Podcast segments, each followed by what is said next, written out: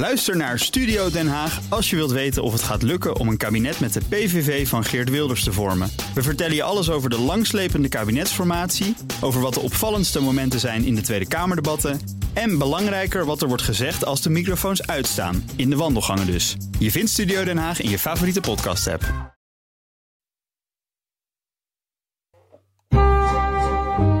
De Perestrooikast. Een blik op Oost-Europa.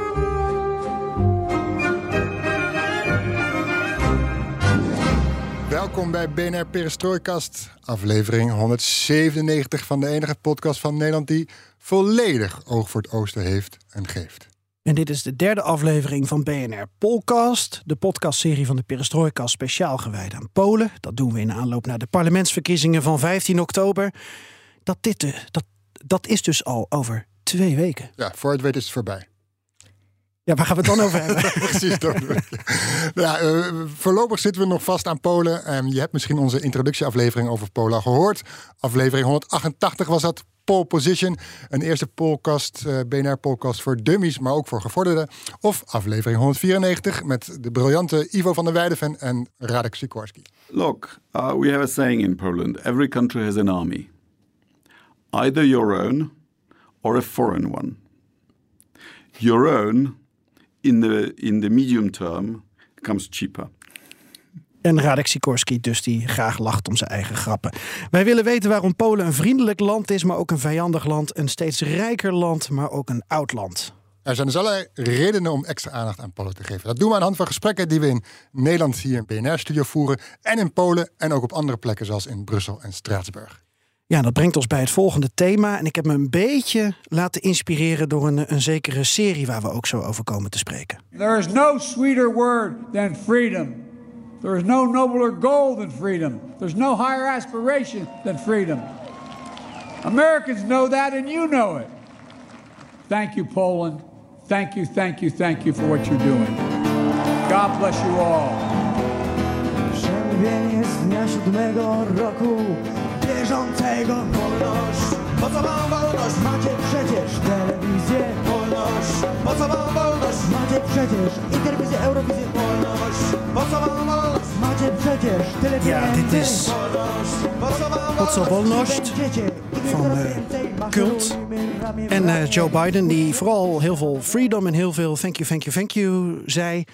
Vrijheid. Wat is vrijheid in Polen? Floris, we gooien er even een hele filosofische Ja, ik vraag wil net in. zeggen, poer, dan vraag je me wat. Eh, ik hoop dat onze gast het eh, antwoord eh, wel zo snel adequaat weet. Ondertussen, Polen groeit in alle opzichten. Dat hebben we ook gezien in de, in de afgelopen afleveringen. Maar er wordt ook een strijd, een cultuuroorlog zelfs volgens sommigen. Waarbij conservatieve en progressieve stromingen rechtstreeks tegenover elkaar staan. Beide stromingen voelen zich namelijk beknot, beperkt en aangevallen in die vrijheden. Ja, welke vrijheden staan er dan onder druk? En volgens wie overschaduwt het thema vrijheid ook de inhoud van de verkiezingen? En is het terecht dat er soms hele grote woorden gebruikt worden? We praten over een vrij Polen met twee mensen. Die spreken elkaar niet direct, maar de een vult de ander aan. Hier in de studio is Dore van Duivenbode. Welkom terug. Een van onze eerste gasten misschien wel. Oh, dan vraag je me wat welke aflevering dat ook alweer was. Dat kun je dat heel snel opzoeken. Met Michiel Driebergen was dat helemaal aan het begin, hè? Ja, want, want we- je had het toen uitgenodigd. eh, omdat je samen met ons, ons, onze grote vriend Michiel eh, eh, de serie had gemaakt, eh, Maja Polska. Eh, vijf jaar geleden was Je dat. moet hem wel op zijn Pools uitspreken. Nu had je een Russisch accent. Ja, had ik een Russen. Mooie. Polska. Mooie Polska. Maya Ja, doet, dan word je met pek en veer in de Oostzee nee, ja, gedonderd. ik, eh, ik overleef deze aflevering niet. En je bent nu terug met een nieuwe versie Gazeta, de Poolse krant onder vuur. Even luisteren.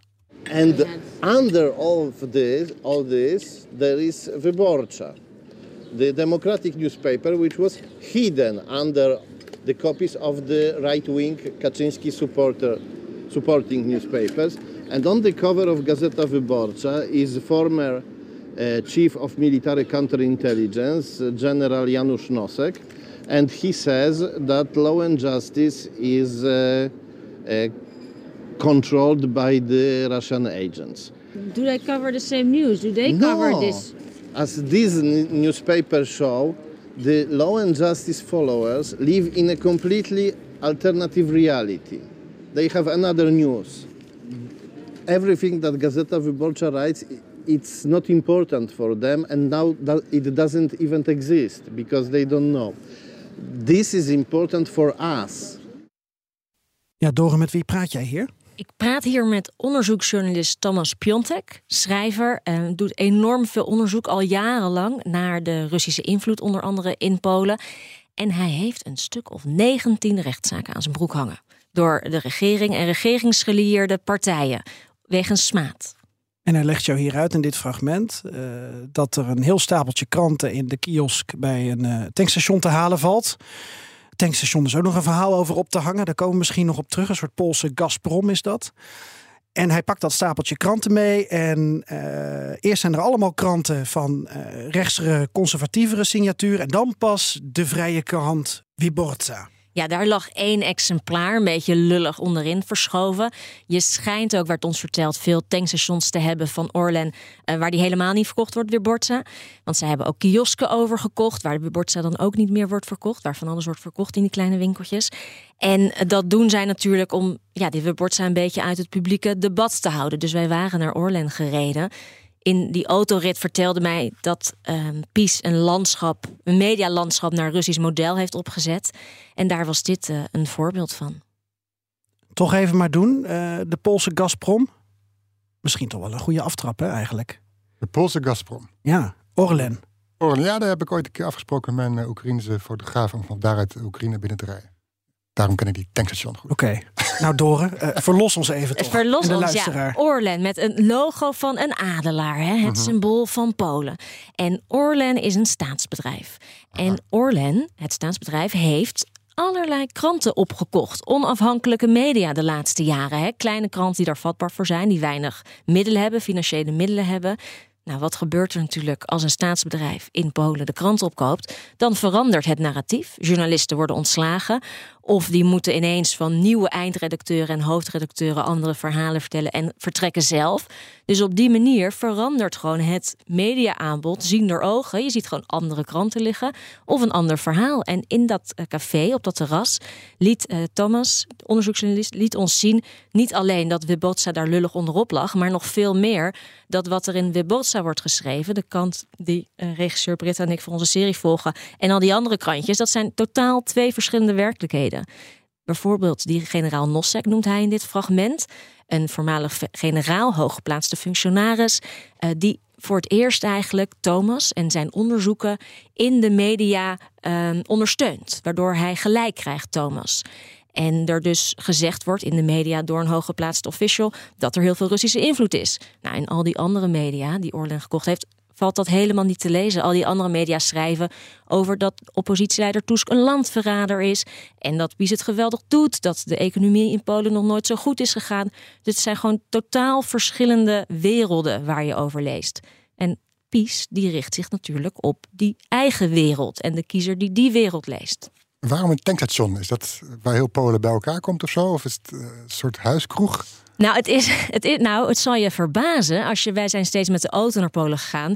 En de tankstations in Polen, die zijn hartstikke druk. Want daar mm -hmm. gaan veel mensen lunchen. Je kan gewoon warm eten daar halen. Dus het zijn hele populaire plekken. Je staat echt lang in de rij voor je zuurkoolsoep. Mm -hmm. En um, die tankstation is natuurlijk een distributiekanaal. Ze hebben dus ook de, een enorme keten van kiosken opgekocht door het hele land. Waar je uh, in Polen van tandpasta tot wc-papier, maandverband en media koopt. Dus daar kunnen ze ook weer bepalen wat er verkocht wordt, welke kranten er verkocht worden.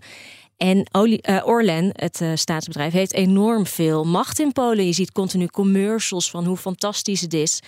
Um, dus op die manier is dat een vehikel, en ze hebben natuurlijk geld, om die media op te kopen. Dus eigenlijk heel slim. Je verbiedt ze niet, maar je voorkomt een distributiekanaal ja, eigenlijk. Is ook Zonder dat je dus meteen... enorm slim. Ze mm -hmm. weten heel... In Nederland wordt soms gedaan alsof PiS alsof dat een beetje gekkies zijn. Maar ze weten exact wat ze doen. Mm -hmm. En dit...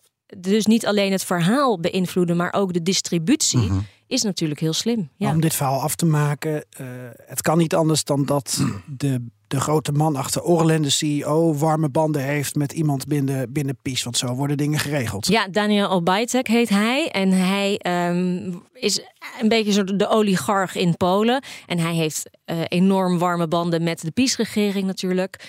En daar worden nu ook onderzoeken naar gedaan vanuit de oppositie, vanuit journalisten natuurlijk, naar zijn banden met Rusland. Ja.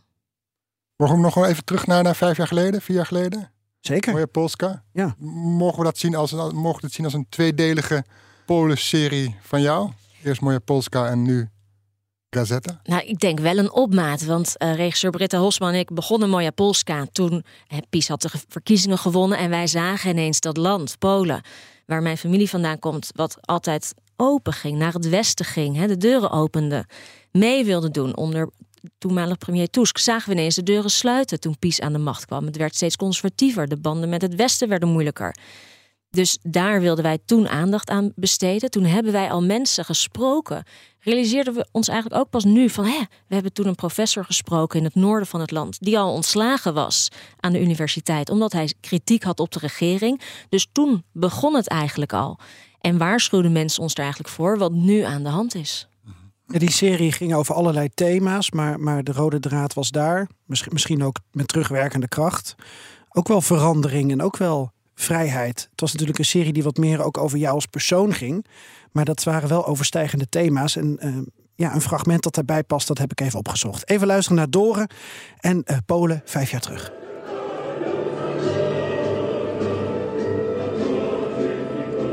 Bij mijn vrienden in Warschau zie ik voor het eerst van dichtbij hoe Polen in de afgelopen jaren is veranderd. En net als zij begrijp ik niet goed hoe dat is gegaan. Polen keert zich af van Europa en roept haar eigen leuzen.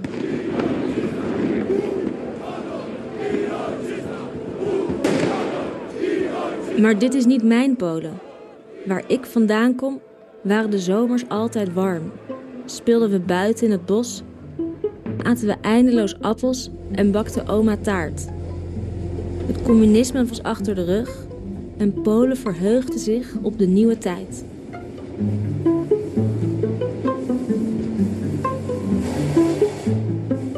En nu zijn de mensen vrij en reizen ze overal naartoe.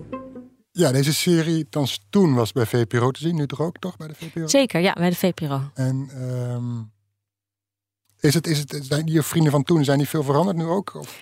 Hun levens mensen, bedoel jij? Ja, Ja, zeker. Want de mensen, eh, vrienden die ik toen sprak... en nu bijvoorbeeld een vriendin die bij het Filminstituut werkt... die is daar weggegaan. Haar hele eh, collega's zijn allemaal ontslagen... omdat dat allemaal vervangen is door ehm PiS-functionarissen.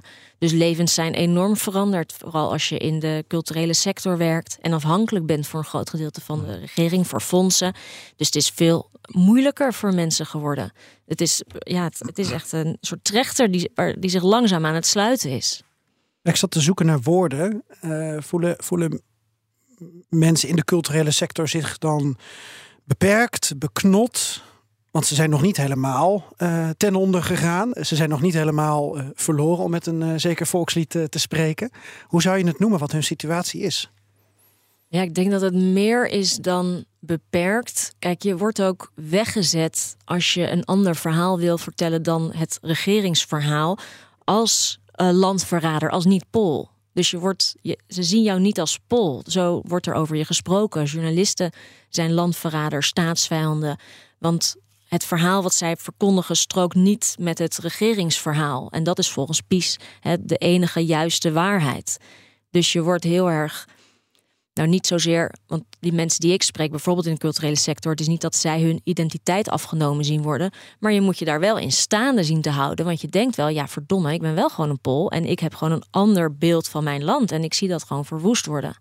Dus dat is eh, wel lastig om je daarin staande te houden. En die meesten wonen in Warschau en dat lukt nog, want dat is een enclave.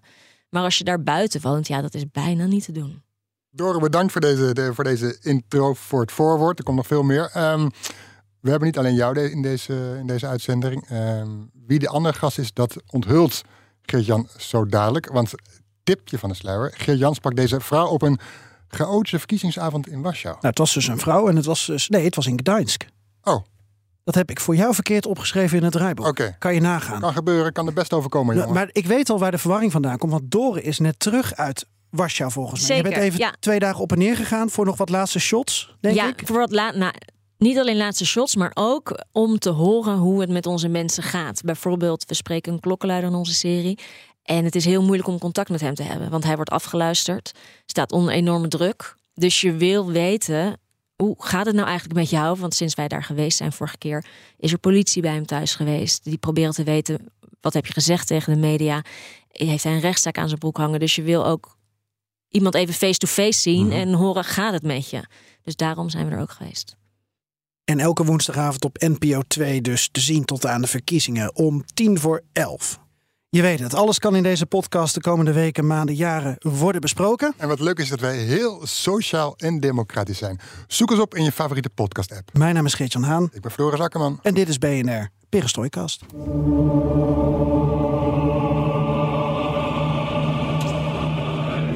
En Geert-Jan,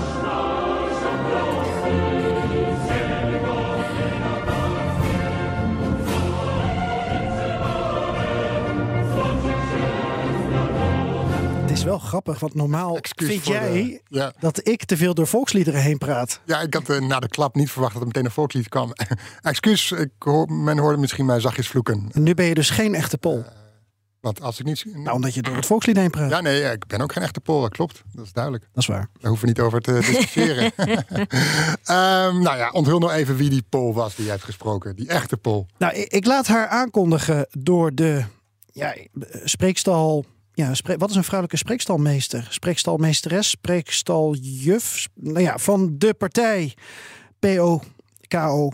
eh, op een verkiezingsavond in Gdańsk waar ik bij was. Een meet-up, een, een otwarte. Een open bijeenkomst. Eh, de avond wordt ingeluid met prominente sprekers. En deze politica is daar één van. Jacku, bardzo dziękujemy. A ja zapraszam na scenę Agnieszkę Pomaskę, liderkę gdańskiej listy Koalicji Obywatelskiej. Dzień dobry Gdańsk, dzień dobry Pomorze, dzień dobry cała Polsko. Kłaniam się przed wami bardzo, bardzo nisko. Jestem pod ogromnym wrażeniem, że zamiast jeszcze w te ostatnie dni wakacji pójść gdzieś na plażę, bo właśnie wyszło słońce, albo przejść się Ja, na spacer, Agnieszka jesteście Pomaska, tutaj jest waarom ze relatief hard praten, komen we zo nog even over te spreken. ludzie. 43 jaar, maar al 14,5 jaar Kamerlid. Geboren in Gdynia, opgegroeid in de ja, Tri-City. Dat is eigenlijk ook een soort eh, ingeburgerd woord in Polen volgens mij, eh, Dore. Gdańsk, Sopot, eh Gdansk. Ja, die onderling veel samenwerken. Het is een prachtig gebied. Het is Ja. een enorm een vakantiebestemming. Prachtige bossen, het strand. Tusk komt er ook vandaan. Eh, Pomaska is vicevoorzitter in de Kamercommissie die over Europese Unie gaat. Ze strijdt ook voor de IVF-optie voor Polen die kinderen willen. Kortom, eh, inhoudelijk eh, wel wat te vertellen. Eh, genoeg thema's om aan te stippen in een interview. Ehm, maar het ging eigenlijk vooral over vrijheid. Ja, het interview met Pomaska kun je als geheel beluisteren. Die staat inmiddels ook in onze BNR Perestrooikast playlist. Ehm, het was in Gdansk. Gdansk, zoals de experts dat zeggen. Ik moet dan al meteen denken aan, als we het over vrijheid hebben, aan die moord op die burgemeester in 2019. Adamovic en ehm, eh, zijn broer eh, was er ook bij op deze verkiezingsavond. Eh, dus je moet je zo'n zo'n podium voorstellen in het Europese Solidariteitscentrum, een museum. En daar komen dan allerlei ehm, PO-politici en prominenten langs. Zeker als het gaat om deze regio, om Gdańsk, om de Tri-City, om eh, Pommeren. Zeg ik dat nou goed in de Nederlandse vertaling? Ja, hè? Pomorge. En ehm, de broer van Adamovic was er ook. En eh, ja, die, die burgemeester die heeft ook eh, onder andere dat Europese Solidariteitscentrum mede, mede opgericht. Zijn dochter zat eh, in de zaal, dus dat zorgt ook weer voor emoties. Poles came to mourn the man who led their city for two decades. Pavel Adamovich, a husband and father, was one of the country's progressive voices.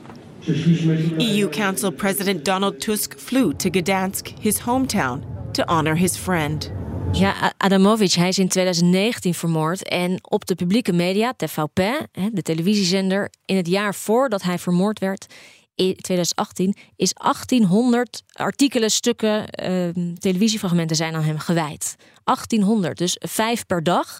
Vijf keer per dag werd er over hem gezegd dat hij een staatsvijand is. Hij staat, staat heel erg voor vrijheid, hè? gelijke rechten. Gdańsk is een soort, zoals Warschau, een enclave van vrijheid in Polen. En hij werd totaal met de grond gelijk gemaakt. En er wordt natuurlijk door de oppositie gezegd en zijn dierbare geliefde dat dat de schuld is van die haattaal die tegen hem, wat nu ook tegen Tusk gebeurt, die tegen hem werd gezet. En dat daarom iemand dacht, die gast moet eraan. En zijn vrouw, zijn weduwe, Magdalena Adamovic, die zit nu in het Europarlement. En die probeert zich hier hard voor te maken. Wetten in te voeren dat die hate speech, dat dat niet meer mag. En dat die rechtszaken tegen eh, journalisten zoals Gazetta eh, ook niet meer mogen. Ja, maar haat- oh, sorry. Nee, ik wou zeggen, met het oog op de verkiezingen in Slowakije eh, haal ik heel veel aan dat Jan Kuciak een journalist is die was, was vermoord. Wat, wat uniek was voor dat land en heel erg bepalend. Maar eigenlijk zou je voor Polen kunnen zeggen ja, dat er een burgemeester is, is omgelegd. Ook al werd gezegd het is een gek. Mhm. Maar een gek in een bepaald klimaat dat gecreëerd is, dat is ook bizar. gevoed werd. Dat hij eh, gewoon zelf een gek was, Adamovic. En dat hij gewoon een, een gevaar was voor Polen. Voor het echte Polen en geen echte Pool was. Zo werd hij neergezet. Zo werd hij vanuit neergezet. de Pieshoek. Vanuit de Pieshoek, vanuit de staatstelevisie, TVP. Dus de, de zender ook waar de meeste mensen naar kijken. En wat nu ook tegen Tusk wordt gezegd. Zijn weduwe, ik sprak haar, die waarschuwt ook van dit kan ook met Tusk gebeuren. Omdat hij ook zo wordt weggezet. En daarin is de EU, kan natuurlijk wel iets doen. Want je, toen Polen bij de EU kwam, toen heeft het dus het verdrag ondertekend. Waar ook persvrijheid en onafhankelijkheid van de media, d- dit staat erin. Dat is gewoon een verdrag wat zij hebben ondertekend. En dit zou dus niet moeten kunnen in de Europese Unie. Alles is eigenlijk emotie aan deze verkiezingen. Ook al wilden wij graag in, in deze serie, de BNR Podcast-serie, het hebben over de inhoud. Over vraagstukken als buitenland en wij. Economie en demografie. En ik dacht dus misschien ook zelf wel van, nou, ik kan wel een beetje ontkomen de- deze keer aan thema's als de rechtsstaat, ehm, vormen van vrijheden, die Doren fantastisch in de, in de serie aanstipt. Laten wij het eens anders doen. Maar ja, kwam toch een beetje bedrogen uit. Ja, want, want vrijheid is wel degelijk een item, is wel degelijk belangrijk. Nou, ik ontken ook niet dat vrijheid belangrijk is. Momenteel als verkiezingsitem. Het is overheersend. Zo, zo heb ik dat in ieder geval ervaren. Eh, De verkiezingen worden als een strijd ervaren, bijna als een oorlog die wordt, wordt, wordt die, die woedt, die wordt eh, uitgevoerd. Mijn interviews in Polen, de kranten die ik opensloeg, de mensen die ik sprak, er is spanning, frustratie, gevoel van onmacht, onrecht. Zowel onder conservatieven als progressieven, het maakt eigenlijk niet uit. Dus ik dacht voorafgaand aan het interview met Pomaska, dit wordt een inhoudelijk gesprek. Ze vindt een aantal eh, thema's belangrijk. Nou, die vind ik ook interessant. Laten we daarover praten. Maar ja, toen kwam ik dus aan bij de Stocznia in Gdańsk, de legendarische scheepswerf, bekend van Solidarność, onder aanvoering van eh, Lech Walesa. En ehm, nou ja, toen, toen begon het al zo. Dit zal Dore ook heel erg herkennen. Szanowni Państwo, do hymnu. Jeszcze Polska nie zginęła, kiedy my żyjemy. Co obca przemoc szablą odbierzemy. Marsz, marsz Dąbrowski, z ziemi włoskiej do Polski. Za twoim przewodem złączym się z narodem. En nu ga ik er toch doorheen praten, want dit ging ook heel lang door. Dit was dus een lokaal mannenkoor. En die openen dus deze Spotkania Otwarten met een volkslied. Dat gebeurt ook overal, hè? Dat, ja, maar daar heb je, je moet de toon wel zetten natuurlijk. Je gaat het niet zomaar ergens over hebben. Je moet wel weten voor wie je het doet. Ja, de, de, toon werd gezet. Het was, het was dus een verkiezingsavond, ehm, een, een meet-up, eh, nou ja, zoals we eigenlijk in Nederland kennen van Jesse Klaver, maar dan met Tusk. En het was zo bombastisch en symbolisch en emotioneel allemaal. En nou ja, je had dus Pomaska die sprak, eh, wat ik zei, de broer van de vermoorde burgemeester Adamovic. Eh, burgemeester van Warschau, Tchaikovsky was daar. Nou, en toen kwam Tusk. Die kwam op onder een hele slechte, veel te lang durende eh, muziek. Eh, ook daarbij moest ik aan, aan Jesse Klaver denken. Eh, witte, witte mouwen opgestroopt. My czujemy ten wiatr zmian tutaj w Gdańsku, tutaj na Pomorzu i w całej Polsce, ale o tym opowie przewodniczący Platformy Obywatelskiej, premier Donald Tusk.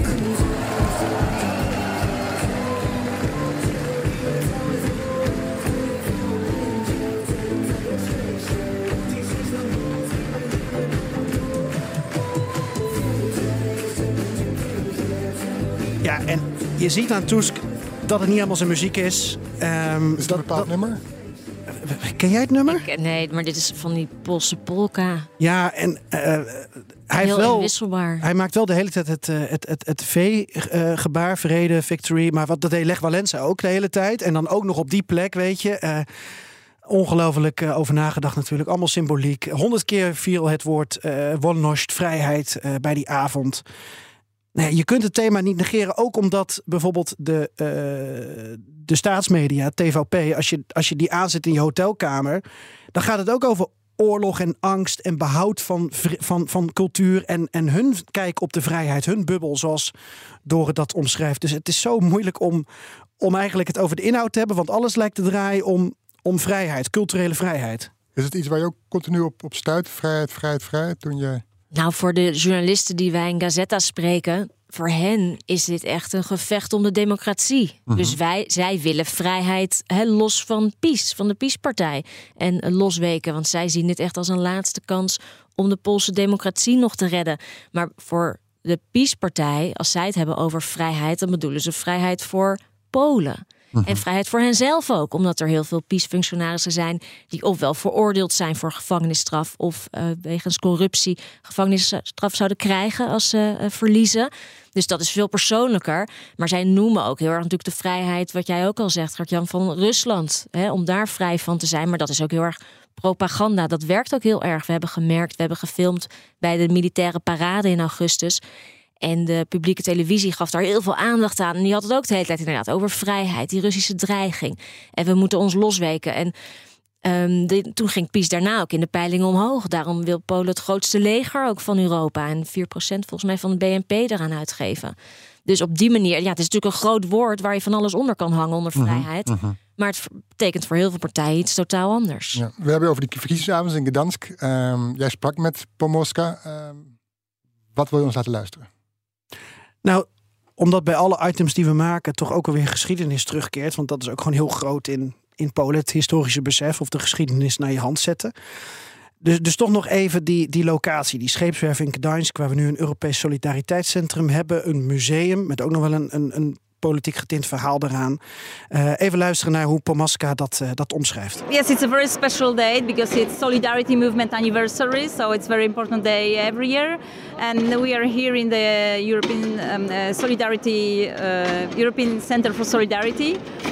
Um, cultural uh, building, uh, museum uh, that started to be a very political place for, for the government, for the uh, present government, and they uh, they took some uh, away some money that uh, should be uh, should be uh, sent to, to this institution, and that's why this place started to be very political, because the government ha- wanted to change the history. He- They wanted to remove, for example, Lech Wałęsa, our hero, Polish hero, from uh, from school books. Uh, so, uh, so that's why we that's one of the reasons we organized uh, an event here as, as a biggest political uh, political party.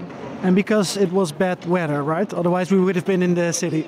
That's that's one the one of the reason, but uh, at the same time the place is very symbolic. But of course, Gdańsk as a city is also very symbolic on the on the Polish historical map.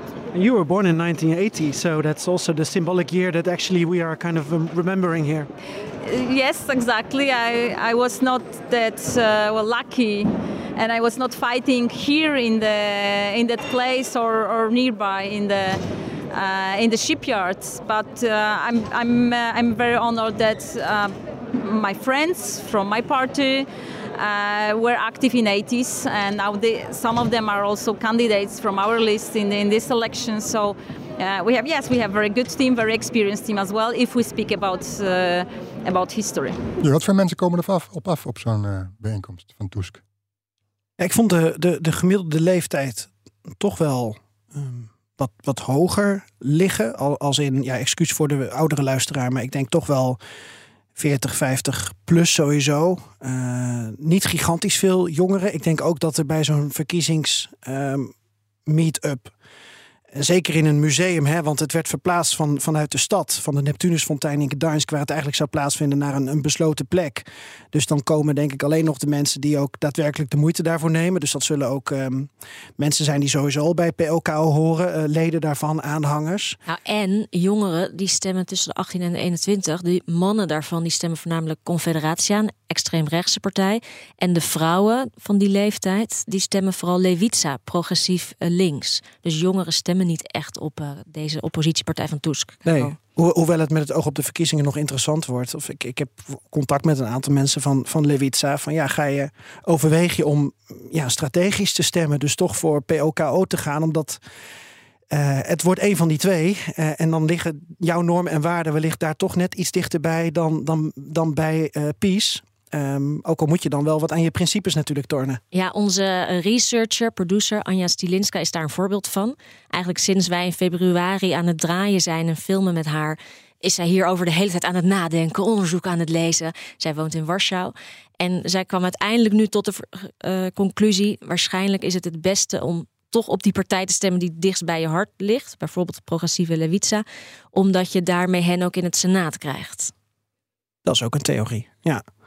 Nou, weet je, ik, ik, om nog een keer terug te komen op, op wat ik daar um, zag. Al die Poolse vlaggen, het volkslied. Uh, en dat is dus niet alleen bij POKO, maar overal zie je dus um, ja, een, een patriotistisch beeld. En ik vroeg toch na afloop aan Pomaska van ja, waar heb ik nou naar zitten kijken? Dit, dit lijkt op een Amerikaanse verkiezingscampagne. Zo bombastisch allemaal. Ik, ik wilde dat toch even aan de voorleggen, terwijl ik eigenlijk een heel inhoudelijk interview in gedachten had. We have this feeling that this government during uh, last eight years took away a lot of different freedoms. Uh, if we speak about women issues, if we speak about uh, economy, uh, if we speak about uh, what we can, um, uh, how, how we can decide about ourselves, uh, if we speak about education, they, they are trying to introduce their own history to, uh, to Polish schools. So yes, these elections are also about our, our private freedom. I was watching tonight, and to explain this to an outsider, it looks like the Polish elections are kind of American, kind of full of rhetorics, a lot of music, pumped up, a lot of dirt. Uh, Biden against Trump, Tusk against Kaczynski. Is that really necessary? Well, uh, uh, elections and campaign is about emotions. Um, I can complain that we don't talk more about programs, um, maybe in a more calm way but it is as it is. People expect emotions from us, and even my, my daughter, she's younger daughter, she's 11. She she when when she saw me uh, speaking in this public event, the previous public event, she asked me why you're shouting if you have a microphone. I said because people expect that, and and it's true. People expect. Uh, us to be funny at the same time, to, to talk a lot about uh, the government in the uh, last eight years. And people expect these emotions from us. Uh, and because of that, or thanks to that, we, we receive emotions from them, very, very often positive emotions. Um, so, uh, yes, and, and they, that, that, that is motivating us as well. Ja, dus je eigen dochter ziet gewoon hoe je moeder uh, gewoon helemaal te schreeuwen. Ja, en, en moet dat blijkbaar normaal vinden. Ja. Wij hebben gefilmd in het parlement bij de stemming voor het referendum, wat tijdens de verkiezing ook wordt gehouden. En toen ging het er ook zo aan toe. Je weet niet wat je ziet. Het is een theater. Iedereen staat tegenover elkaar te schreeuwen, waardoor het ook totaal langs elkaar heen gaat. Iedereen gaat er even staan, schreeuwt de zaal in en uh, gaat weer weg. Er was één iemand van het progressieve Levitsa die iets kwam zeggen, die heel rustig zijn verhaal deed. Nou, dat was een verademing dat je echt even naar de inhoud kon luisteren. Maar het is wel zonde, omdat je daardoor natuurlijk totaal niet. Het is ook hun doel niet, hè, om nader tot elkaar te komen. Mhm. De oppositie en uh, PiS. Maar dat Gewoon gebeurt om de verschillen, om de verschillen continu te benadrukken en hun statement de wereld in te slingeren. En wat ik zo mooi vond aan wat zij zei, en dat zei ze in het eerste stukje al, dat uh, ze had het hier over de publieke scholen, hè, dat PiS dat zo verandert, het curriculum. Ik heb veel mensen die hun kinderen van de publieke scholen af hebben gehaald, naar private scholen sturen. Hartstikke duur, ook voor Nederlandse begrippen. Maar ze vertelde ook in dat eerste stukje: The government wanted to change the history. Omdat ze, hè, de musea, dat veranderen ze allemaal. De mensen die daar eh, zitten, de directeuren. En daarmee moet ik ook aan denken dat bijvoorbeeld voor onze journalisten in Gazetta, zij zeggen ook deze verkiezingen gaan over het recht op de waarheid. Dat zegt onderzoeksjournalist Thomas Piontek ook in onze serie. Van het gaat mij niet eens om vrijheid van meningsuiting. Mensen moeten hebben recht op informatie. Want anders krijg je nooit vrije, eerlijke verkiezingen. Want verkiezingen zijn niet alleen eerlijk op die dag zelf. Het gaat om dat hele traject daarvoor. En dat is nu ongelijk. Dus wat is nou die waarheid? En die, die is er natuurlijk, die feiten die zijn er. Maar ja, zo'n pies verdraait dat dus tot aan de scholen aan toe. Maar is het iets wat, wat je nu zegt wat binnen Gazetta inderdaad zo leeft, die vrijheid? Of zijn andere mensen, de kiezers, daar ook heel nadrukkelijk mee bezig? Nou, zeker als het natuurlijk door. Kijk, de Gazette-journalisten zijn bezig met hoe die feiten verdraaid worden en hoe de waarheid in een PiS-narratief gezet wordt. Maar als individu, wat Pomaska ook zegt, ben je natuurlijk bezig met, je, met jouw eigen vrijheid en dus ook die van jouw kinderen. Wat voor, wat voor onderwijs krijgen ze? En kunnen ze daardoor nog vrij zijn in gedachten? Natalia Walloch, een van onze journalisten, zegt op een gegeven moment: PiS wil helemaal geen zelfdenkende kritische burgers opvoeden. Zij heeft twee kleine kinderen. Die wil gewoon burgers die geen vragen stellen en gewoon braaf volgen wat de regeringslijn is. En dat ja, heeft Pies heel goed in de gaten dat dat al op scholen begint. Dus daar zijn ouders natuurlijk heel bezorgd voor. Vrouwen die willen recht op hun eigen lichaam. Er zijn afgelopen jaren twee vrouwen overleden. Dorotta en Isabella, ik weet even de achternaam niet meer. Omdat die abortuswetgeving zo ver aangescherpt is. En artsen bang zijn en ziekenhuizen niet tegen de regering in willen gaan. Ook uit angst voor de kerk. Dus het raakt natuurlijk tot aan mensenlevens. Misschien toch eerst dan even een fragment uit, ehm, uit jouw serie Gazetta. Want eh, jij sprak ook met eh, Emilia. Eh, moet ik ook even aan de achternaam denken. Duszewska, denk ik. Cultuurjournaliste bij Gazeta Wyborcza. En zij besluit om de krant te verlaten en om Polen te verlaten. En dit is wat ze onder andere daarover zei. En dat sluit aan bij waar we het zojuist over hadden. I have a lot of friends who right now I don't know, they're struggling financially because they don't want to send their kids to public school because they're too afraid of the um, the program, the way they're going to be educated and raised. Um, I have friends who are afraid to get pregnant because they know if something goes wrong, they may not be allowed an abortion. So it's just a lot of struggle every day. Yeah, and abroad it would be. Yeah, I mean, it's not going to be perfect. It's like never easy to migrate, but you can just change the things that you worry about. Ja, het lijkt wel alsof ik verhalen uit Rusland hoor. En het lijkt wel soms alsof PiS, dat een hekel heeft aan Rusland, de methode Poetin overneemt. Waar jij een paar jaar hebt gewoond in Moskou. En dat hoor jij in wat, Nou, dat- hoe het haar dat hoor- persoonlijk raakt. Ja, en over het hoofdstuk over wat je net zegt, over het onderwijs. eh wordt niet gevraagd om na te denken over... Ja, nou, Pies kijkt heel goed naar Rusland natuurlijk. Er wordt heel veel gezegd door onze journalisten van... met Pies heeft Poetin eigenlijk een Trojaans paard Europa binnengehaald. Want Pies is mede met de hulp van Poetin aan de macht gekomen. Met eh, leningen en met eh, trollen die die campagne destijds hebben beïnvloed. Een afluisterschandaal destijds dat het Kremlin heeft gefaciliteerd... wat de oppositie benadeelde toen Pies aan de macht kwam. En een sterk PiS is in het voordeel van Poetin. Want PiS wil hetzelfde. Ideologisch staat PiS veel dichter bij eh, Poetin dan bij het Westen. En zij willen onrust in Europa. Nou, dat merk je nu. Duitsland voert de grenscontroles op. Eh, Polen zelf, met de grens met Slowakije. Dus daar is tumult. En dat is natuurlijk precies wat zij beiden willen. En mensen zoals een Emilia, eh, die worden daar natuurlijk ook slachtoffer van. Want je hoort in haar stem, zij is gewoon doodop. En je zag het aan haar, ze was gewoon op. En dat merkten wij aan al die journalisten. Iedereen is gewoon zo moe hiervan. Hè, jij vertelde al, Gert-Jan, zij is cultuurjournalist. En op een gegeven moment zegt ze ook... ik wil zo graag gewoon over cultuur schrijven. Mhm. Over mooie voorstellingen, waarom iets mooi is, kunst, wat het met me doet. En nu zit overal die politieke laag over. Want die journalisten gaan daar natuurlijk ook in mee... omdat het ook hun strijd is tegen eh, de regering... om die eh, te zorgen dat hun democratie nog overeind blijft. Dus je merkt hier... en in Rusland is dat natuurlijk nu nog eigenlijk niet te doen. Je kan daar niet de straat op en protesteren. Je kan daar al helemaal niet je stem laten horen. En Polen gaat daar langzaam aan, beweegt Polen zich daar naartoe. Ik ben toch wel benieuwd hoe je kijkt dan naar, naar eh, vrijheid of vrijheden. Want eh, kort gezegd, Kaczynski geeft aan... wij moeten vrijheid behouden, daar strijdt hij voor. En Tusk zegt, we moeten vrijheid herwinnen. Eh, Over welke vrijheid hebben beide partijen het dan volgens jou? En ehm, we hadden het even in het begin over cultuuroorlog. Is dat een te zwaar woord om te gebruiken? Nou, het is zeker geen te zwaar woord. Ik zie het meer als een oorlog echt om het behoud van die democratie. Dus het is een cultuuroorlog zou meer zijn als je daarin gelijke opponenten hebt. En dat is gewoon niet het geval. PiS kan deze, hè, dit doen omdat zij zich gewoon helemaal aan het ingraven zijn in hun eigen verhaal. Zij, hebben, zij zijn hun bubbel aan het sluiten. Eh, de hoofdredacteur adjunct Jaroslav Kurski vertelde dat van kijk, PiS heeft genoeg aan zijn eigen stemmen. Die hoeven daar niet, ze willen er natuurlijk, hè, hoe meer hoe beter.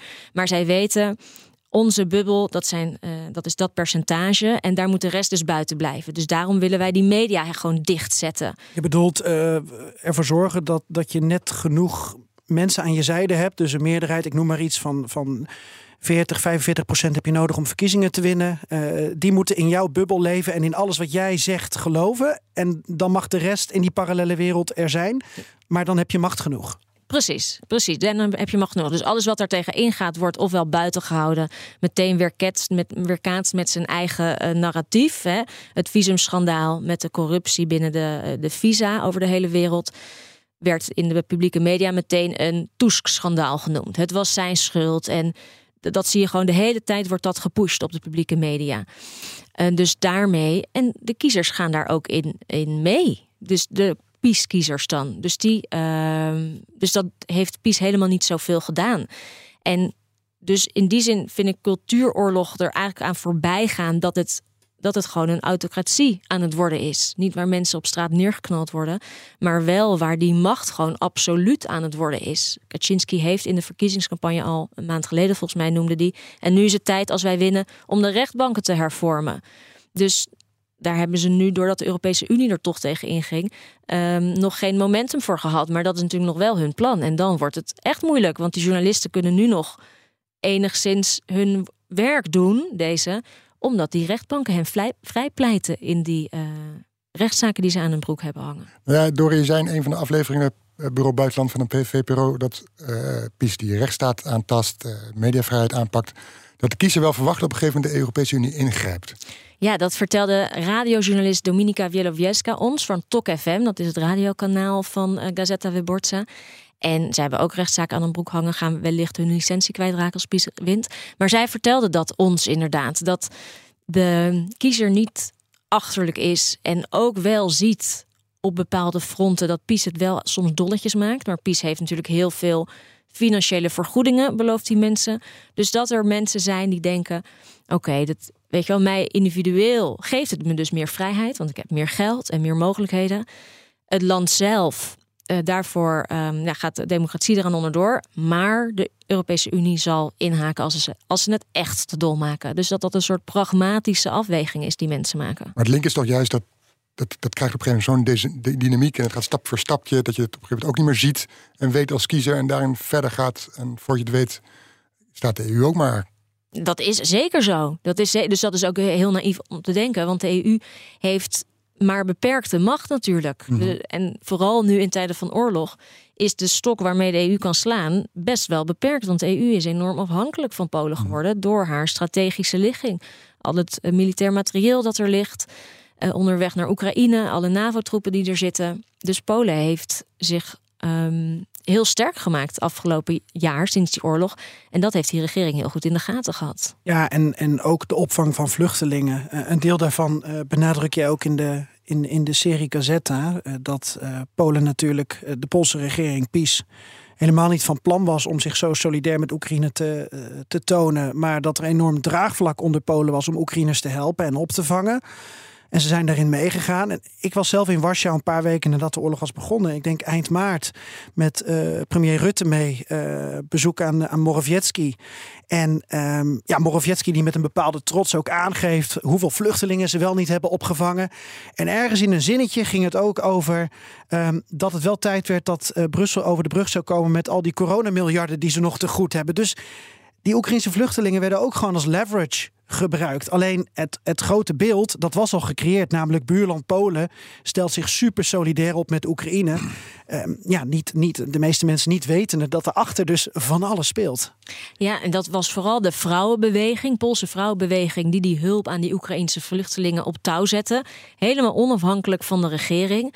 Want ja, ze wilden eerst eigenlijk, spraken ze over een muur bouwen aan de grens met Oekraïne in de, in de aanloop naar die oorlog, omdat ze juist die vluchtelingen niet de grens over wilden, de regering.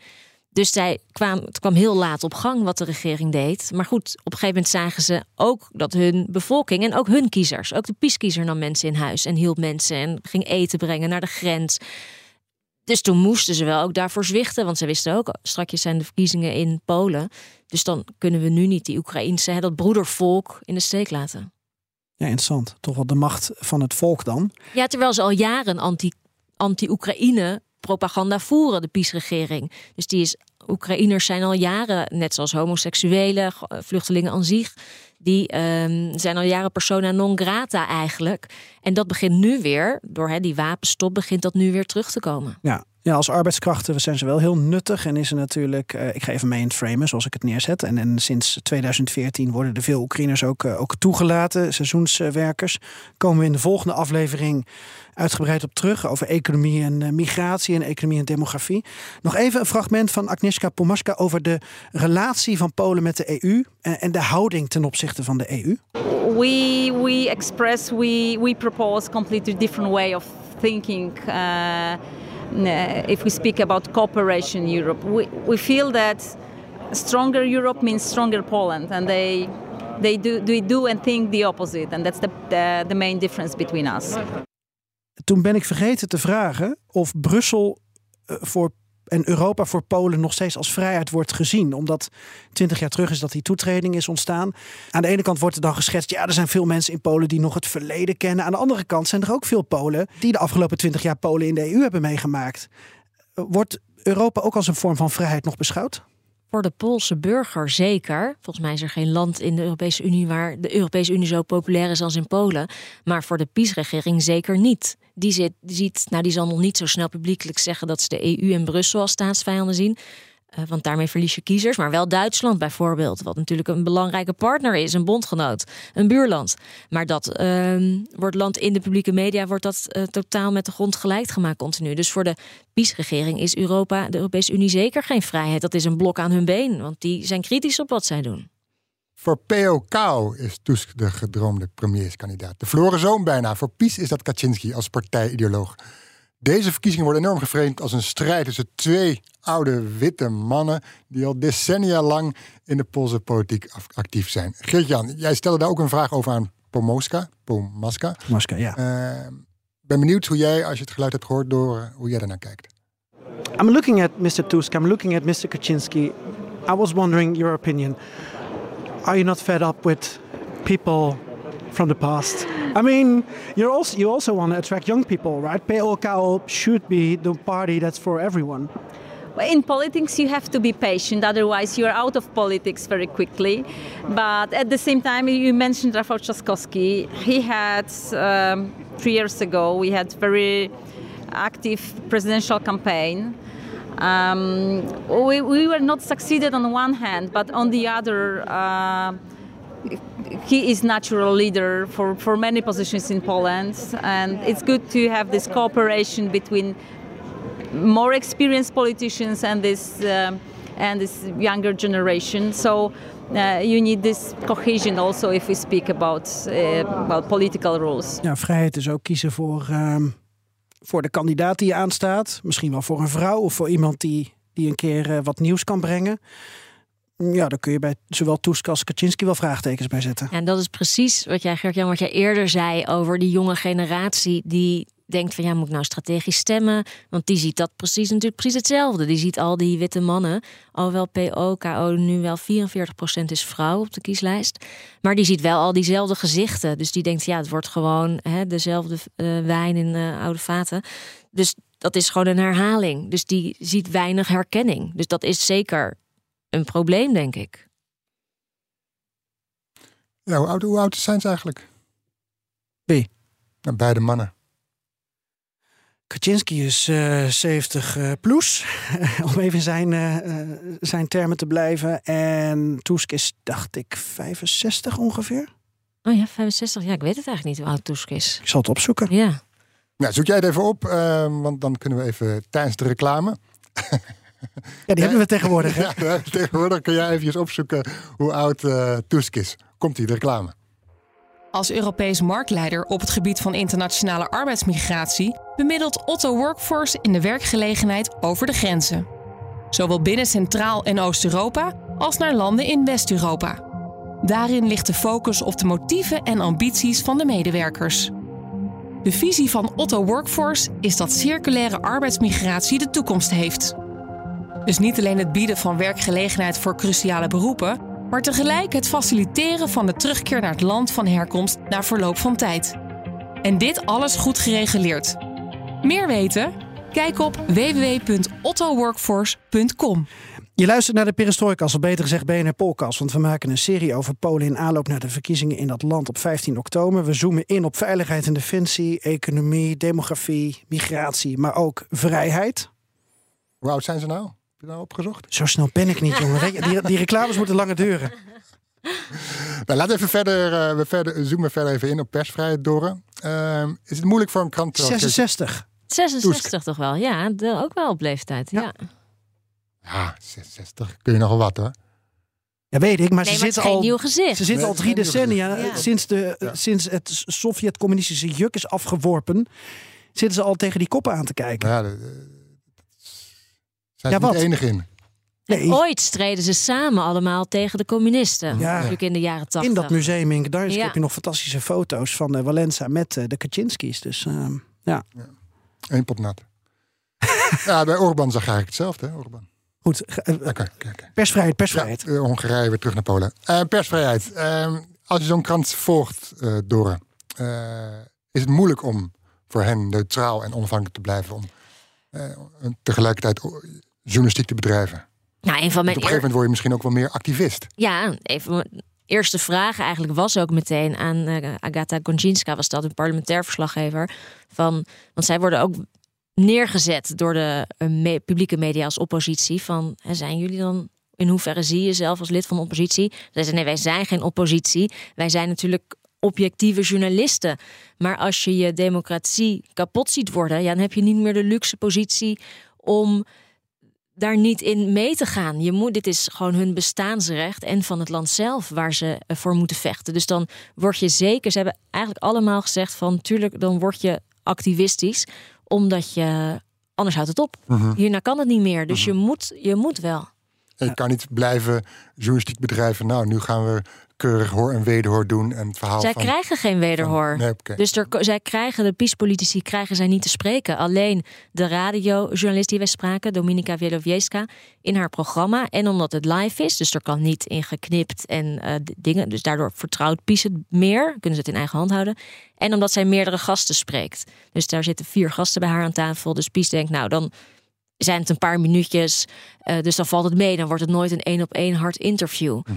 Dus die andere journalisten, eh Agatha Konjinska heeft een boek geschreven over Kaczynski, probeert al vanaf het begin Duda te spreken, krijgt ze niet te spreken. In de publieke media komen die aan het woord, maar dan krijgen ze natuurlijk vragen die hen wel gevallig zijn. Ja, jou lukt het ook niet, hè, voorlopig nog om een pies poppetje te spreken. Nee, ik dacht dat ik een eindje was met een eh PiS-Europarlementariër. Maar ik begrijp nu inderdaad ook eh, van Doren dat ik hem in een bepaalde setting moet spreken. Dus dat ik meerdere mensen moet uitnodigen en het niet één op één moet doen. Want elke keer als ik denk dat ik er ben, dat ik een afspraak kan maken, dan wordt de boot weer afgehouden. En dan moet ik een week later weer mailen of bellen van, goh, wanneer zou meneer Krasnodemski, mocht u luisteren, u bent uitgenodigd.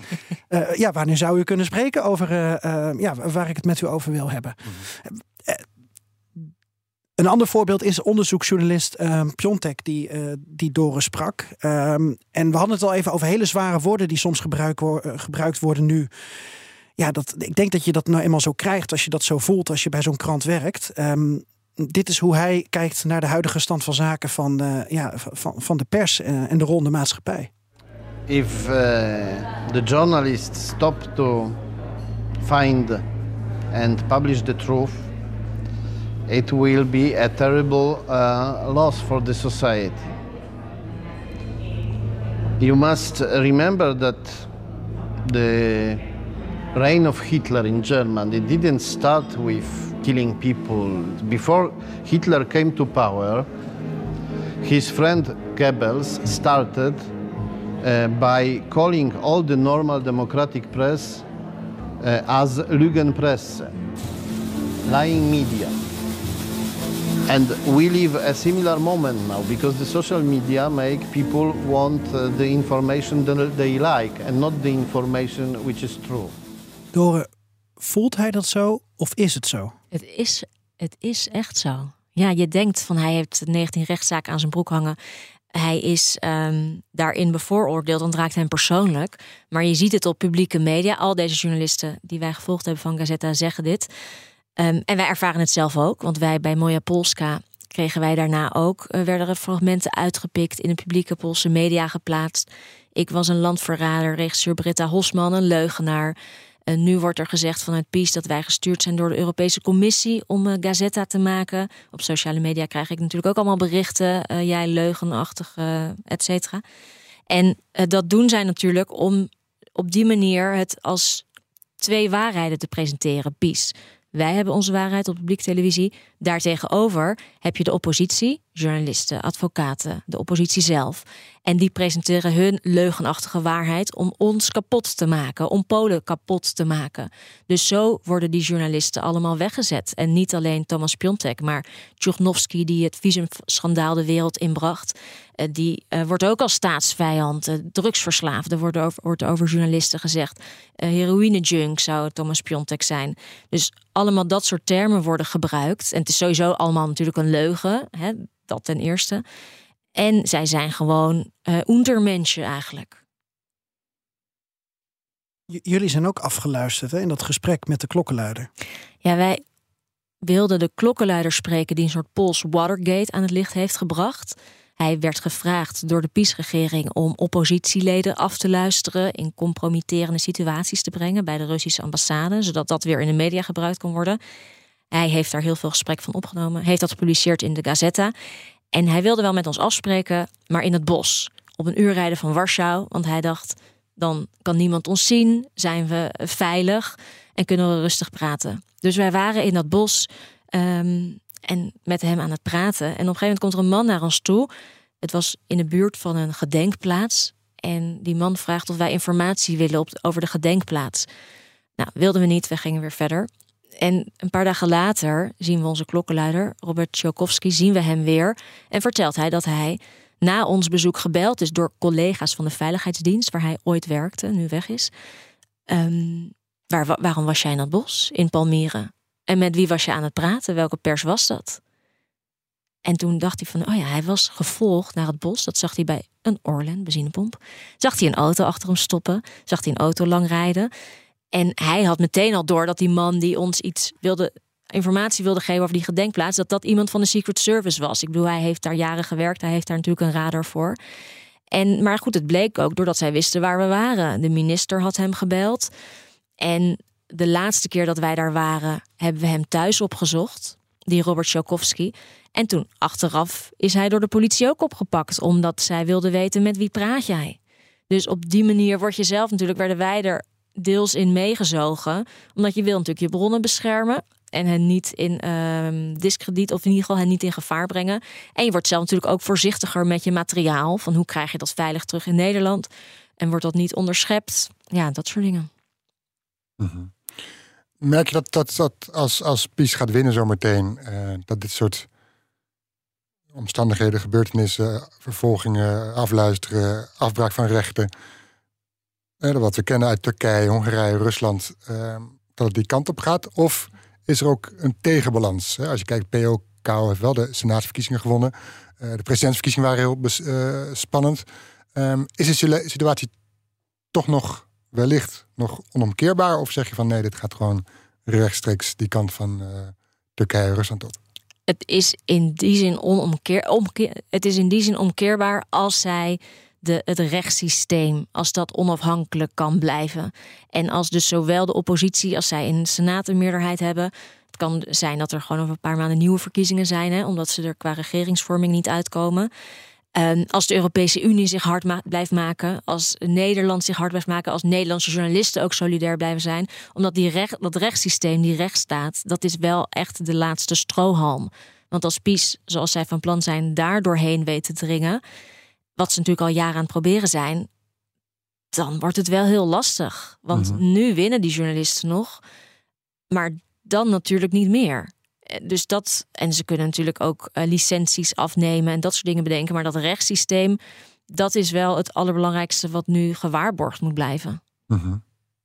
Ja, je met een beetje pech of geluk, is maar van welke kant je het kijkt, heb je zo meteen een strook van Polen, Slowakije, Hongarije, dat een ja, autoritair blok vormt in Centraal-Europa in de Europese Unie? Of, uh, want de Slowakije zijn er dit weekend verkiezingen? Ja. Misschien zou ik eerder zeggen cul- cultureel conservatief. En dan zou je misschien Italië er nog wel bij kunnen rekenen met eh, Meloni. Ook al is ze natuurlijk qua Oekraïne-steun anders in de wedstrijd gaan zitten dan we van tevoren dachten. Maar de manier waarop zij naar, naar gender kijkt, ehm, dat is vergelijkbaar denk ik met eh PiS, eh, Orbán, eh Fico in, eh, in Slowakije.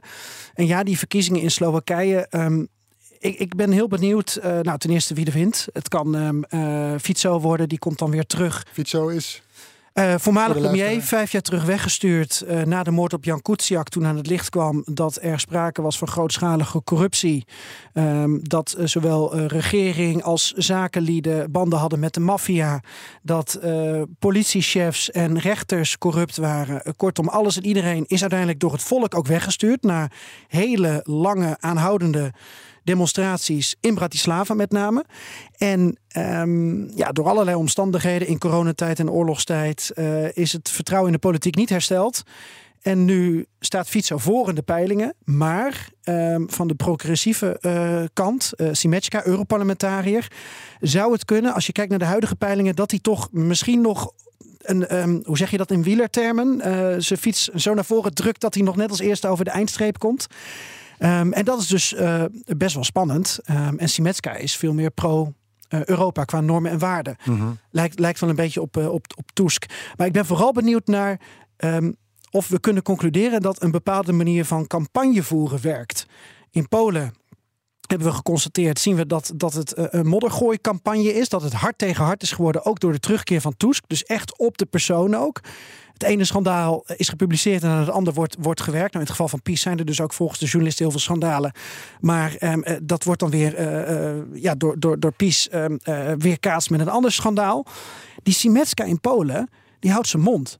Die zegt dus, ik ga nergens in mee. Ik laat alle andere camphanen alles met elkaar uitvechten. En ik probeer... Nou, dat zegt hij niet, maar ik, ik vind hem een soort Roger. Federer. In Slowakije. Hij is een soort ideale schoonzoon. Presidentieel over te komen.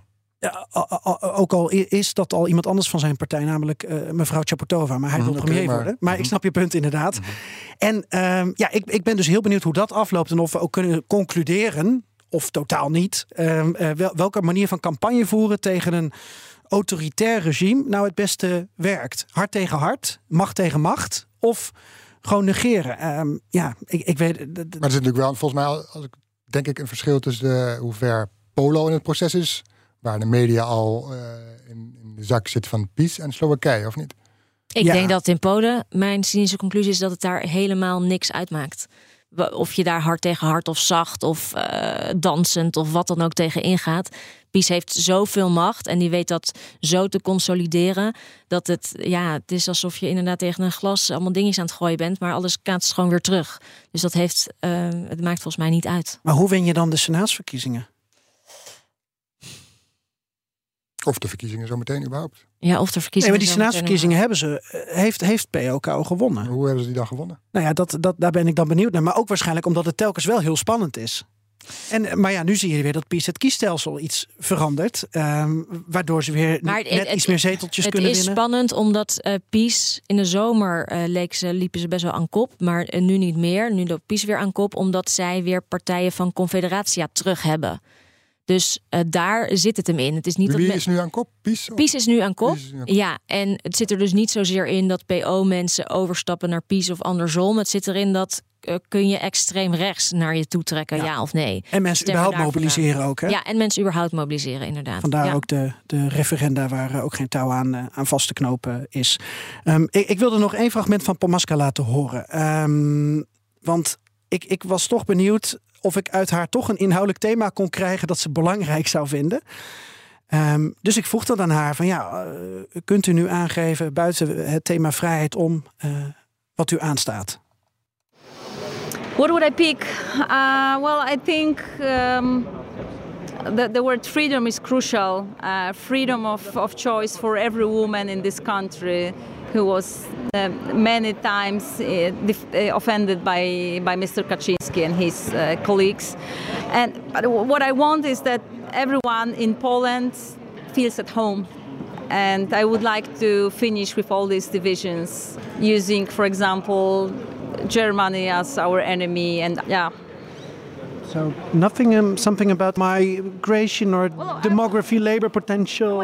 If we speak about the demography, that's our promise that we will fulfill very quickly after uh, elections is uh, returning the governmental in vitro program that was uh, that was uh, blocked by the this government. I had this honor to be a leader of the um, of the initiative, public initiative on that, um, and it and it's yes, so that's that's the first thing we will do after, after elections. Um, and yes, uh, these issues also can cause emotions. Uh, it's not controversial for us, the in vitro, in vitro procedure, uh, but the, the government uh, tried to do it uh, controversial. So that's why we we are trying to, to combine things that are important with these uh, emotions that are important for people. With the American style of campaigning. Well, we have no choice. That's the word we, we have around us. Good luck. Thank you so Thank much. you very much. Is het nu zo dat richting de verkiezingen nu al die emoties over vrijheid eh, enorm hoog oplopen en dat we na de verkiezingen, jongens, we kunnen weer normaal doen? Ja, dat ligt er natuurlijk een beetje aan wie er wint, denk ik. Dus het is een hele individuele vraag van hoe voel je je bij de verkiezingsuitslag? Welke media je volgt? Ja, welke media je volgt. Maar ik, ik denk als PiS wint dat, dat, dat dit gewoon zo door blijft gaan. En dat ze dan heel erg gaan richten op of de Europese verkiezingen volgend jaar, 2025, zijn de presidentsverkiezingen in Polen. En, waar, de- en het is sowieso de laatste termijn van president Duda, die moet dan weg. Dus dan richten Dat ze zich weer daarop. Ja, dat denk je inderdaad. Ja, dat klopt. Nou, en Ja. Kaczynski heeft ook gezegd dat hij binnenkort stopt. Hè? Dat wordt ook nog een eh, groot vraagstuk. Hoe dat binnen PiS dan verder gaat. Ja, ik kan mij. Dat is nog wel wat ik me kan voorstellen. Dat als hij ermee stopt, want hij heeft gewoon de macht binnen die partij. Hè, als partijleider, vicepremier. Maar dat dat wel het een en ander aan het wankelen zou kunnen brengen. Want dan verlies je wel een soort van de, ja, wat de boel bij elkaar houdt. Als Tusk eh, wint, ik zie hem ook niet zo 1, 2, 3 even alles weer terugdraaien. Want als stel hij draait die rechters terug of hij draait de media eh, terug, dat is dan ook weer overheidsbemoeienis. Eh, de PiS-mensen gaan erover in, in, eh, gaan over eh, klagen of, of die gaan er niet mee eens zijn. Dus dat wordt ook nog een heel karwei natuurlijk als Tusk. Ja, ik moest daardoor daar ook wel denken aan de socioloog eh, James Hunter, Amerika-correspondent eh, Laila Frank heeft er laatst over gezegd dat cultuuroorlog dat gaat is niet alleen eh, de cultuur aan zich, maar dat zijn dus ook al die instanties. Dus Mhm. eh, ins- instituten, instanties eh, zoals die musea. Dus daar zijn al die mensen vervangen in de afgelopen jaren in Polen. Dus dat zou eh PO-KO zou dat weer doen. Dus die zou dus weer bij het Filminstituut, Ja. bij hè, historische musea weer andere mensen neerzetten. Dus dan rolt het kwartje weer de andere kant op. Het enige is dat zij wel dan ook weer de publieke media ehm, onafhankelijk zouden kunnen maken. En daarmee dan zou PiS dus hun echt hun eigen media moeten creëren. En dat is wel weer een stuk moeilijker. Ik bedoel, dat zie je in Nederland ook. Thierry Baudet maakt zijn filmpjes, maar dat bereikt het grote publiek niet. Want dat is natuurlijk vooral de publieke media, gewoon wat nu staatstelevisie is. Daar kijken gewoon een miljoen mensen naar om half acht avonds. Dore, jij had het over een, een PiS-bubbel. Ehm, jij hebt zelf acht maanden bij Gazetta rondgelopen. Is het voor jou moeilijk om uit die bubbel te komen en, en op een totaal ja, onafhankelijke manier naar, naar huidig Polen te kijken? ik ben wel alles door de bril gaan zien ehm, van die weg die PiS zich aan het ingraven is in een dictatuur. En ook door de bril gaan zien eh, dat je PiS, dat wat PiS zegt en wat zij doen, dat zijn twee verschillende dingen. Dus dat je PiS wel anders moet eh, bekijken dan eh, vaak gedaan wordt. En dat de, de Russische invloed en die Russische banden, dat dat veel groter is dan wij denken in Nederland. Thomas Piontek, de onderzoeksjournalist, zei tegen ons in het begin van ja, die Koude Oorlog is nog helemaal niet voorbij. Het is ook naïef om te denken dat toen, hè, je had de omwenteling, de, de muur viel en dat toen al die connecties met de Sovjet-Unie, met Rusland, dat dat zomaar verdween. Dat is natuurlijk niet zo in Polen. Heel veel mensen zijn gebleven en heel veel van die banden eh, zijn er nog. Kaczynski is een, ook een product van zijn tijd. Dus daar ben ik het wel door gaan bekijken, ja. Is het Doren van vijf jaar geleden een mooie Polska anders dan het Doren van nu? Wat betreft Polen? Zeker. Oh, een mooie Ja. vraag. Ik kan zo bij de VPRO werken. Sorry. Ja. Dat is een open sollicitatie. Open sollicitatie. Ja. Nee, dat is. Ik denk eigenlijk wel een wereld van verschil. Hè? Toen met regisseur Brett Hosman, toen zagen we natuurlijk wel al die verandering en dat conservatisme. Bij jou persoonlijk. Bij jou persoonlijk? Mhm. Nou, natuurlijk. Ik ben, ik sta nu veel. ehm, toen vond ik het al. Ik weet niet of ik het toen al pijnlijk vond om te zien wat er gebeurde in Polen, maar ik, het maakte mij wel bezorgd. Maar nu vind ik het ronduit pijnlijk en gevaarlijk. En niet alleen voor de Polen zelf, maar ook voor Nederland. Want het is een EU-bondgenoot. Het is de oostgrens van de Europese Unie. En als, eh, een, als een Rusland Polen aanvalt, dan eh, moeten wij aan de bak. Dus dat kunnen ze ook. Ja, daar kan je van alles voor bedenken. Maar ik vind het gewoon een dreiging op het Europees continent. Dat PiS zoveel macht heeft nu. Dus dat moet ons allemaal raken. En ik denk dat ik dat vijf jaar geleden eh, zag ik het toch meer als een soort Polen kwestie. En nu denk ik gewoon, dit is wereldwijd een probleem. Is Polen een vrij land? Nee, zeker niet. Is Polen te bevrijden? Zeker wel, zeker wel. Tuurlijk, als er andere mensen aan de macht komen. En als eh, deze regering eh plaats maakt. En als we als de Europese Unie daar ook vol op in blijven zetten. En ik moet dus maar even voor lief nemen dat vrijheid nou eenmaal een heel belangrijk thema is, deze verkiezingen. En eh, dat ik het in andere afleveringen dan maar over eh, migratie of economie of demografie moet hebben. Ja, we zijn er eh, een soort, hoe noem je dat? We zijn er eh, door gegijzeld. Ja. We gaan zien hoe het afloopt. Dank. 15 oktober, ja. Dank Dore van Duivenbode. Mooi. Maak ze van de serie Gazetta, de Poolse krant onder vuur. Via NPO Plus, Plus zijn alle afleveringen ook terug te kijken en soms ook vooruit te kijken. Heb je een mop? Mop. Ja. Mijn hemel. Kijk met grote ogen nu. Ja, ja, omdat we toevallig gisteren of eergisteren onderweg terug naar Nederland, toen waren we een mop aan het vertellen aan elkaar. Maar om heel eerlijk te zijn, uiteraard ben ik die eh, weer vergeten. Maar, oh ja, nee, dat heeft er helemaal niks mee te maken. En dat ging over worteltaart en dat konijn. Konijn? Ja, je weet, konijn die bij de bakker komt, is er nog worteltaart. En dat dan eh, de hele week. En dan aan het einde, oh vies hè, gadverdamme. Maar dit heeft niks met, wat is Nee. Poolse woord ook weer, Margovka? Het heeft Margovka te Margevka. maken? Nee, het heeft niks met eh, eh, Polen te maken. Oh jee. Ja. Maar ik ken er een in het Engels.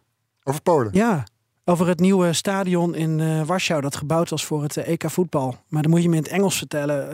eh, Dat kan jij. nou ja, de, de vraag is dus: eh, wa- wa- waarom vindt iedereen het een klote stadion? Because everyone is sitting behind the pole. Mm. nou, gelukkig hebben we Joost voor de beste mop. Komt-ie. Goed. ehm, pa, pa, pa, pa, ja. Ehm, er staat een Rus aan de Poolse grens. En die wil terug naar, eh, naar, naar Wit-Rusland, zeg maar. Door naar Rusland met zijn auto. Maar hij staat er in de file. En al vier, vijf uur lang laten die Polen maar mondjesmaat die auto's door. Want we weten het, hè, eh, inmiddels... eh, auto's met een Russisch kenteken die zijn verdacht. En die kunnen zelfs in bepaalde Europese landen geconfiskeerd worden, heb ik begrepen. Afijn, die Rus die wordt een beetje pissig en die, die, die, die beent naar voren. En die spreekt een douanier aan. Hij zegt, hey, zegt hij, een paar vragen aan jou.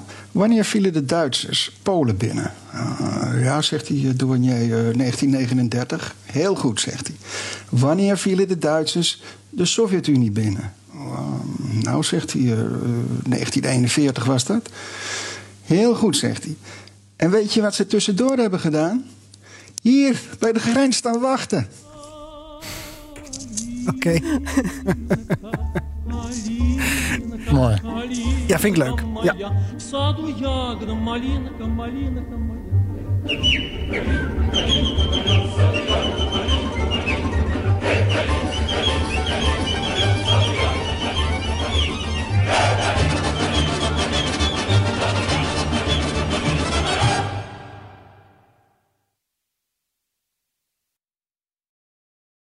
Ook Liesbeth Staats vind je in de BNR-app. Ja, heel handig. Luister live naar Kees en mij tijdens de Daily Move. Dan blijf je ook gelijk op de hoogte van breaking news en het laatste zakelijke nieuws. En daar vind je ook alle BNR-podcasts, waaronder de Perestrooikast. Download nu de gratis BNR-app en blijf scherp.